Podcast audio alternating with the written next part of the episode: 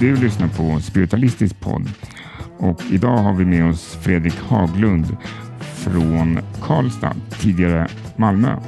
Tack. Och ja, välkommen hit till podden. Tack så jättemycket, vad spännande. Och vi har just haft en eh, seans här med Fredrik på Stockholms Spiritualistiska förening. Det var fantastiskt. Så mycket människor och helt oväntat. Jag trodde aldrig det skulle komma några människor med tanke på att det är den här jättemässan i Stockholm också så att det var över förväntan och det har varit en fantastisk eftermiddag och ni som inte har varit här, ni har verkligen missat gemenskapen som var här idag. Ja, jag kan verkligen hålla med. Det var fantastiskt bra jobbat. Det, jag blev imponerad och det flöt på jättefint och folk verkade väldigt nöjda och jag tyckte det var fantastiskt bra faktiskt. Och liksom att du du fick med dem på ett bra sätt. Även fast du, en del kan ju vara lite tröga men ändå så det, det flöt på ändå. Och liksom, du hittade alltid rätt väg. Det var liksom jag, jag vet ju själv när man har varit så här, och så sitter man där, kan det stämma? Och sen sitter man på tåget hem och säger, fasen det var ju... Alltså, och det, det, alltså det är inte lätt när man är nybörjare att sitta i en seans och, och liksom ja men han gjorde nog inte det. Nej, han gjorde inte så. Och sen får de då höra det senare att det så var det ju. Mm. Men du löste sådana grejer också på att du hittade en bra väg i det, att de hittade, hittade själv dit ja. Tack. Ja. Alltså jag tror att man, man måste försöka vara så ödmjuk man kan och verkligen försöka lyssna på energierna och översätta dem på bästa mm. sätt. Och sen, jag menar inget medium är hundraprocentigt. Jag menar får du ett nej eller, eller det går fel, so what? Mm. Det är liksom, försöka sortera ut och gå tillbaka och göra om det och göra rätt. Mm. Det... Nej, men det, det, det, var jättefint i varje fall. Och då ska vi säga att du är ju väldigt välmeriterad också, inte bara i Sverige också. Du, du började för Mia Ottosson som jag förstår Ja. Och sen har du gått en hel del eh, i England. Och stämmer. är certifierad på eh, SNU. Ja, stämmer. Spiritual National Union. Stämmer ja. Mm. Eh, det är inte bara enkom för mediumskapet som jag varit på AFC utan i, i på AFC så har det varit väldigt mycket healing också. Och i och med att jag har en trafikskada i bakgrunden som, som gör mitt liv ganska begränsat så har jag liksom hittat vägen genom medialiteten och genom healingen för att jag ska försöka må så bra som möjligt själv också. Så att eh, det är en win-win situation. Det är nog ofta så. Ja, just nu är jag mer inne på healingen. Mm. Men jag fick för många, många år sedan budskapet att jag skulle jobba mer med healing som en väg till medialiteten också. Mm. Och Det som är intressant är ju faktiskt att det är inte healern som healar utan det är ju den som får healing som healar. Den, den som är healer startar ju bara igång processen på, på, på sättet i den som behöver healingen. Och vi har alla olika energier, vi jobbar på alla olika sätt. Men när, när, vi, håller, när vi gör healingen så startar vi processen hos den som behöver healing och sen så sätter arbetet igång hos den personen själv. Och um, Det är därför det är så viktigt att aldrig sluta med healingen till sig själv. Om det är någon som har startat healingen hos dig så måste du själv fortsätta. Det är liksom inte bara att tro att jag, oh, jag har fått healing en gång, that's it. Utan du måste ju fortsätta själv. Och hur menar du fortsätta själv? Med, med, att, med att läka dig och be om hjälp från andevärlden och eh, sätta händerna där du liksom har ont för att healingprocessen har ju startat och det är du själv som fullföljer den och fortsätter med den oavsett vad, vad du väljer att kalla det för namn, om det är spirituell healing eller reiki healing, det kommer liksom från samma källa allting. Fast eh, det är kärt barn har många namn. Så, så, enkelt sagt så är det så, du behöver bara nyckel själv för att sätta igång din precis, healing. Precis. Och sen måste man alltså då jobba med healingen själv. Så man ska inte mm. gå hit här och sätta sig en tio minuter och sen kommer man hit nästa vecka igen och får tio minuter. Alltså, Förstår du vad jag menar? Många ja. gör ju så va? Ja. Nej, nej, utan det, det är liksom en pågående process. Och när du går ifrån där du har varit och fått healing efter tio minuter så fortsätter ju healingen mm. att jobba. Den tar inte slut, utan den fortsätter att jobba. Mm. Och det är egentligen inte healern som ger healing heller, utan det är ju ändå, eh, för det är andevärlden som som man känner strömma genom sig på något sätt. andevärlden använder healern som ett verktyg och en kanal för att starta igång healingen hos den, den som får healing. Det är oftast därför vi kan uppleva olika energier och olika känslor beroende på vilken healer vi går till. För att alla healers har ju någonting som resonerar inom, in, inom oss själva. Som du sa Pallan, alltså nycklar. Alla, alla, vi får ju nycklar till något av alla våra tusen hängelås eller lås som sitter inom oss. Och beroende på vem det går, till, går för healing hos, det är ju den som öppnar just det låset där du behöver healing just då. Så det är väldigt, väldigt fascinerande. Ja, faktiskt. Men, men jag, när jag träffade dig i England så var du, du, men du var i Skottland också. Vad gjorde du där? Eller var du på någon utbildning där eller du bodde där eller vad gjorde du? Nej, det fanns en period i mitt liv då jag hade velat flytta till Skottland. Ja, ja. För att uh, det, känd, det kändes som, som hemma. Ja, Men uh, sen var det ju det att hela Storbritannien lämnade ju Brexit. Mm. Och uh, då var det inte möjligt. Nej, nej. Så att um, när jag liksom har jobbat med Skottland så har det varit väldigt mycket över Zoom och demonstrationer över Zoom. Vilket också är väldigt smidigt och bekvämt för att du sitter hemma och um, när du är färdig så har du liksom ingenstans att resa utan du är hemma. Mm.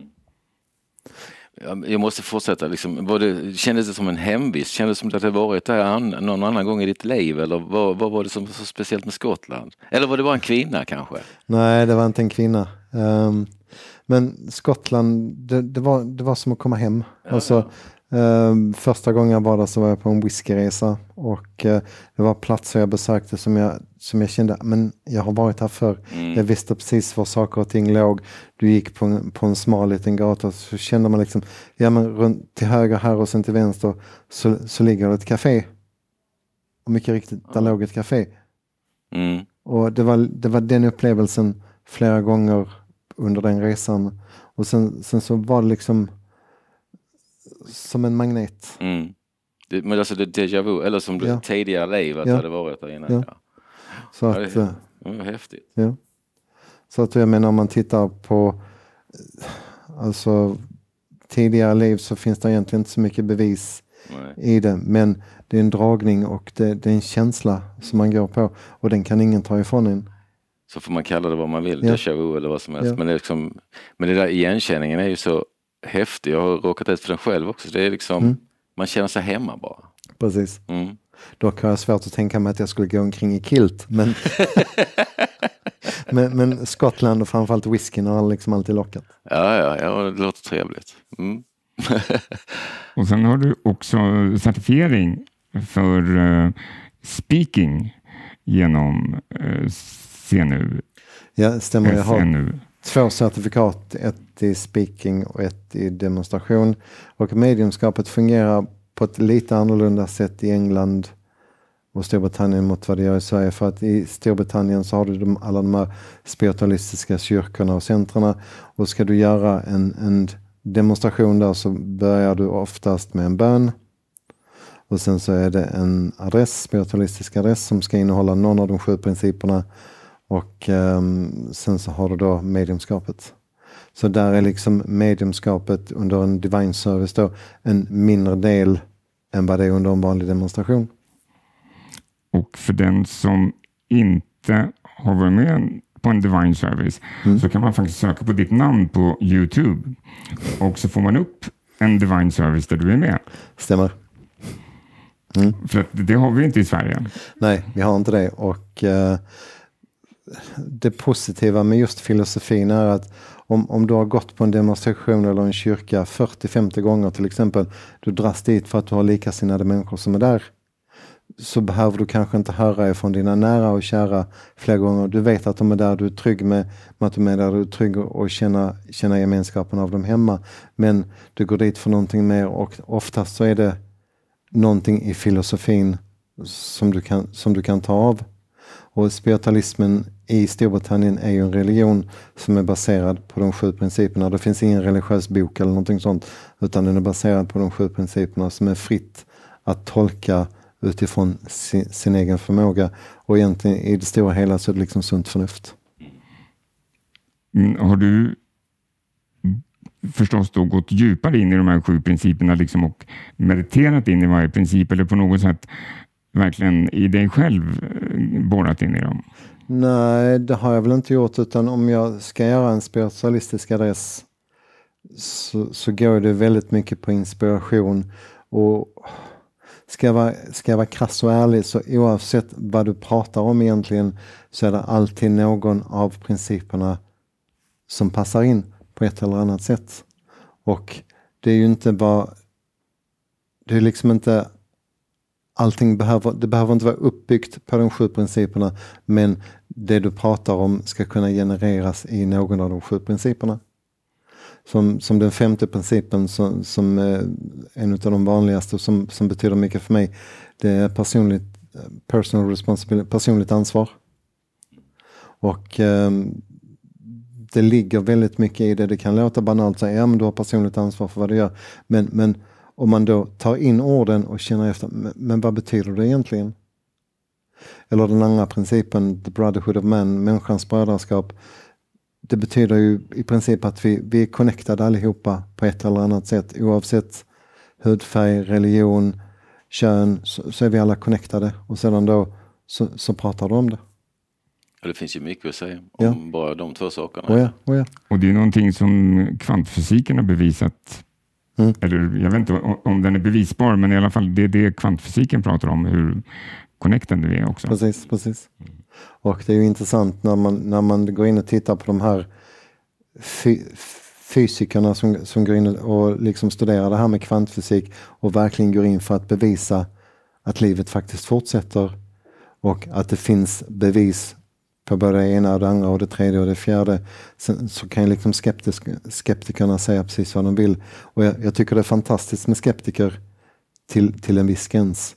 För att det är nyttigt att ifrågasätta vad du gör. Det är nyttigt att ifrågasätta bevisföringen och allting sånt till en viss gräns. Men, men sen när det går överstyr så, så är det liksom tokigt. Nej, men jag, med skeptiker, jag, man måste ju vara lite skeptisk även om man jobbar med det här. Men som sagt, som skeptiker kan ju också vara väldigt, men man känner ju också att de vill ju inte. Nej. Men jag, jag tar ju bara sånt där exempel som att personligt ansvar det är ju att ha mycket pengar och inte dela med sig. Personligt ansvar är ju att uh, lyssna på andra människor. Alltså, alltså Brotherhood to Man är också liksom samma, eller medmänskligt, det är också medmänsklighet. Man måste ju lyssna, man måste Precis. förstå. Och jag menar nu när det skiljer så mycket mellan fattiga och rika nu så är det ju hemskt egentligen. Och det, det är ingen som pratar om det Nej. egentligen. Nej. Och det är tragiskt och det borde man ju ta upp också mycket i det här med, med medmänsklighet. Mm.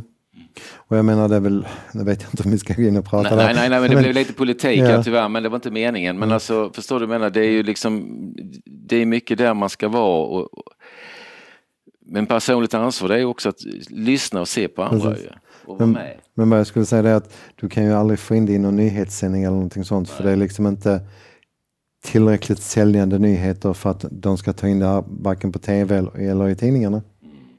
Men då om man då säger, är spiritualistiska kyrkor i England, håller de på med charity, välgörenhet och sådär? Oh ja, oh ja.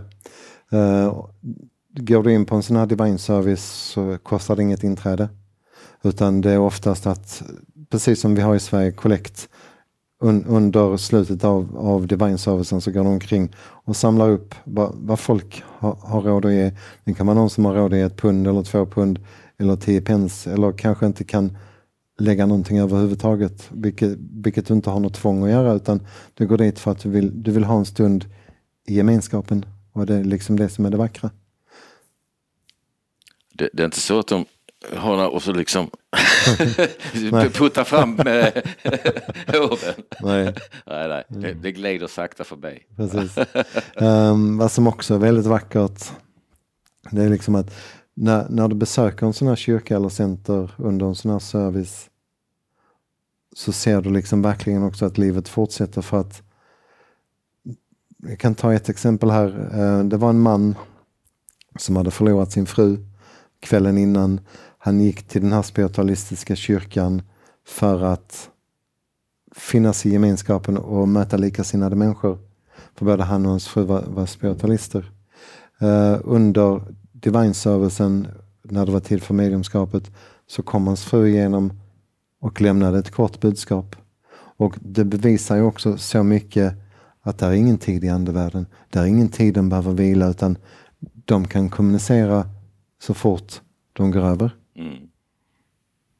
Det är fantastiskt. Jag hade också en vän, det var väl fyra, fem dagar, men just det där att bara få den där bekräftelsen ja. att, eh, att jag har det så bra här och det är liksom mm. den här befrielsen det var också. Precis, mm. precis. Det, det, är liksom det som, som gör det värt också. Det är det som, att känna då glädjen och värmen hos den här mannen som har förlorat sin fru, vilket är en sorg nog, men också veta att hon är honom nära. Hon är hos honom med detsamma. Jo, jag tror inte det finns någon vilopaus där, utan det Nej. är pang bom. Precis. Men som sagt, vi vet ju inte 100 procent. Men det här är ändå ett bevis. Han fick ju tröst precis, så fort precis. som möjligt och det var ju vackert. Ja. Och likadant du Micke, som också fick ett bevis ett par dagar senare. Jag menar, varje gång det händer och du känner energin, det är så vackert. Ja, det är det verkligen. Men hur kom du in i andligheten? Um, för det första så jag tror inte att man kommer in i andligheten. Jag tror att man är i andligheten från det att man föds in här och sen har man liksom olika upplevelser som, som triggar igång det ena, det ena efter det andra. Jag, jag hade upplevelser som barn, jag hade ingen att prata med. Eh, både min mamma och mormor var väldigt mediala men de bodde och uppvuxna i Hässleholm som är en väldigt liten by där, där det är fy skäms att prata om sånt här. Det är liksom, det är inte normalt. Och det var inte normalt då. Och, eh, så att de gjorde allt för att beskydda mig så därför fick jag inga direkta svar och fick liksom inget konkret vad det var jag upplevde och sånt. Och det var ju liksom för att skydda mig. Och jag kan väl känna en tacksamhet till, till framförallt min mamma som, som inte förklarade utan höll det på en nivå eller höll det på den nivån som hon gjorde det för att hade jag kommit ut och börjat prata om sånt så hade, vet jag inte var det hade slutat. Då hade man kanske blivit omhändertagen eller sånt för att man pratade om sådana saker som, som inte var speciellt känt. Hade det varit idag hade det varit annorlunda. Ja, men jag, jag kände ju också när jag var barn men sen så blev man ju rädd lite och stängde av eller man mm. försökte hålla det borta rättare sagt. Men sen berättade jag för min mamma i 20-årsåldern att jag kände så, varför sa du inget, mm. sa hon då. Mm. Vadå, ja, din mormor är ju sån. Mm. Så, så att, men, jag, men jag tror ju också som vi, vi har det i oss men det är oftast är det kriser eller någonting som händer som man börja känna efter och se det och känna det. Mm. Och, skulle man, och tittar man då tillbaka på sin egen resa så vägen som man har valt har ju varit väldigt mycket ensamma resor eh, genom livet, arbeten, utbildning, idrott och sport och sådana saker. Så har det liksom varit enmans grejer man har gjort. Jag, valde, jag spelade ishockey en gång i tiden när jag var väldigt liten men, men jag var aldrig tillräckligt duktig eller tillräckligt bra för att ta, ta en plats i laget. Jag tyckte det var jätteskoj men alla var så mycket bättre än mig. Och det gjorde ju då att man tyckte inte det var roligt. Och så började jag fiska istället och, och tyckte liksom att det, det var liksom livet. Och uh, det kan du göra själv. Det är ju meditativt, ja, fiska. Precis, precis. Det är ju det, det så, kvinnor virkar och män fiskar. Precis. Så sitter de där liksom mm. och bara känner in. Mm. Sen hade jag min, min största sorg, det var när min mamma gick bort 93. Och hon var liksom den enda här i livet som, som förstod mig. Som jag, som jag kunde prata med och, och som fanns där. Och hon gick bort.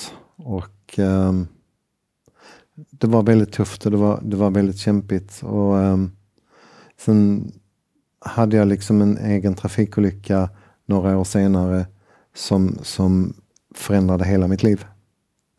Och det är den som jag fortfarande har eh, besvär med än idag.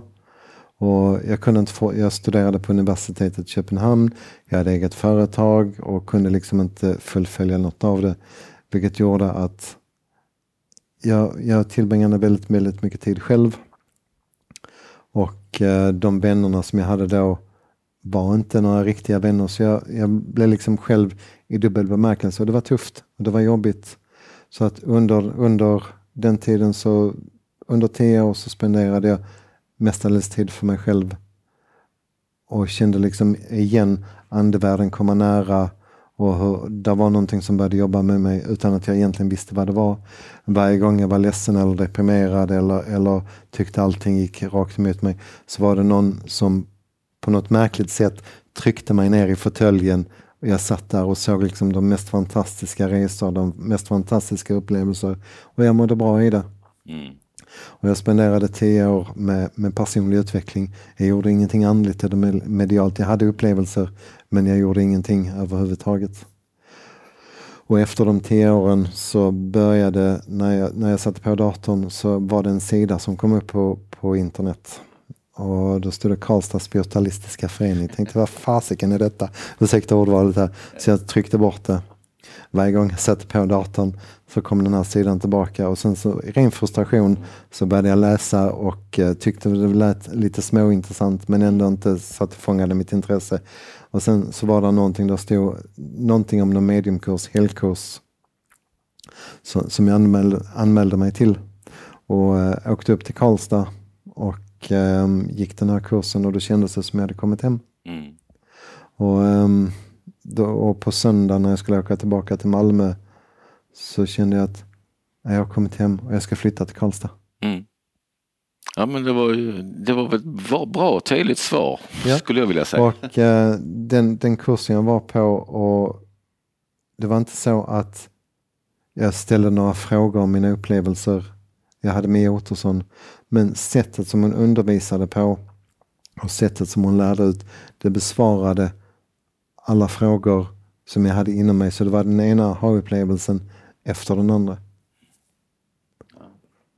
Och sen så flyttade jag till Karlstad och sen har liksom rehabiliteringen och, och min mediala utveckling fortsatt. Hässleholm måste jag säga, där har jag också bott när jag var liten. Ja. Och sen var det Kristianstad, men uh, jag måste nämna det, det var lite mm. roligt. Ja. Men där bodde du inte så länge va? Nej, jag har egentligen aldrig bott i Hässleholm utan när jag var väldigt liten så flyttade vi först till Gävle ja, och, och, och sen till Malmö. Men det var ändå det här hysch-hysch. Att man, man, man, pratar liksom inte om sånt. Och jag, både Prallan och jag har ju gått till eh, på kurser hos Mia ja, mm. Ottosson och Kadina nu för tiden också. Då. Mm. Ehm, och Det är också jättehärligt tycker jag. Och det, just, eh, det öppnade upp jättemycket för mig också. Och just det där, för mig var det att våga lita på det jag får också. Ja. Och inte komplicera saker. För att jag menar med Mia, det är liksom det är rakt på sak. Det är liksom inga, inga krusiduller utan det är rakt på sak. Så att uh, jag, jag har själv lärt mig oerhört mycket av mitt medlemskap och grunden i mitt medlemskap har jag liksom fått genom undervisningen av Mia Ottosson. Och sen, har jag, sen är det ju massa eget arbete, givetvis. Ja, jag måste ju nämna det också. Jag såg ju ingenting. Alla såg. Jag gick ju på akademin här och såg ingenting. Jag kände ju mycket men jag mm. förstod ju inte det. Sen var Mia Ottosson, du känner. Du ser, du ser svart, ja. Och du känner. Ja, jag känner, ja, jag känner. Alltså, förstår du? Men det, det lärde jag mig aldrig på akademin. Men hon bara slog så jag förstår ju direkt. Så, det är, det är, så utbildning är ju bra på många sätt men det är ju som sagt ibland så är det ju som nycklar med lärare också. Att mm. Man måste ha rätt lärare för att förstå. Precis. Och därför är det också väldigt viktigt att lyssna på sig själv vilken lärare man ska välja. För att mm. din kompis kan gå till en lärare som tycker det är den bästa läraren du kan ha. Men den läraren resonerar inte för dig. Mm.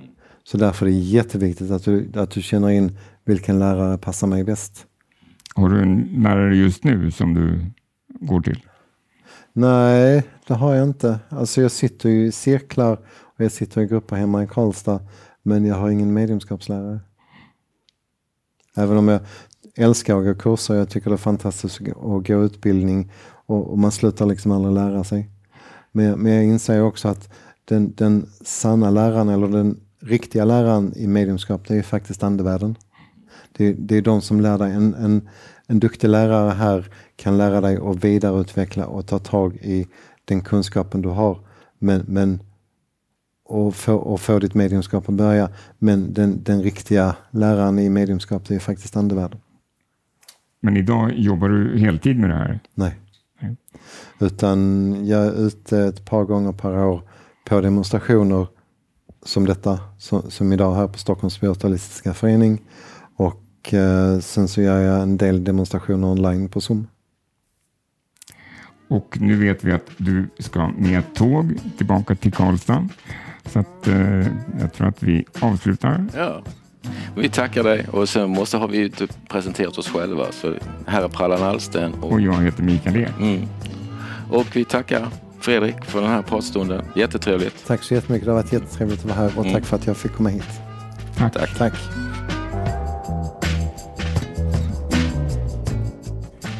Stockholms spiritualistiska förening kommer att förlora sin lokal sommaren 2023. Till hösten behöver vi en ny lokal. Cirka 100 kvadratmeter med ett stort rum, gärna inom tullarna och den ska vara tillgänglighetsanpassad. Tack för att du håller ögonen öppna och tack för att du lyssnat.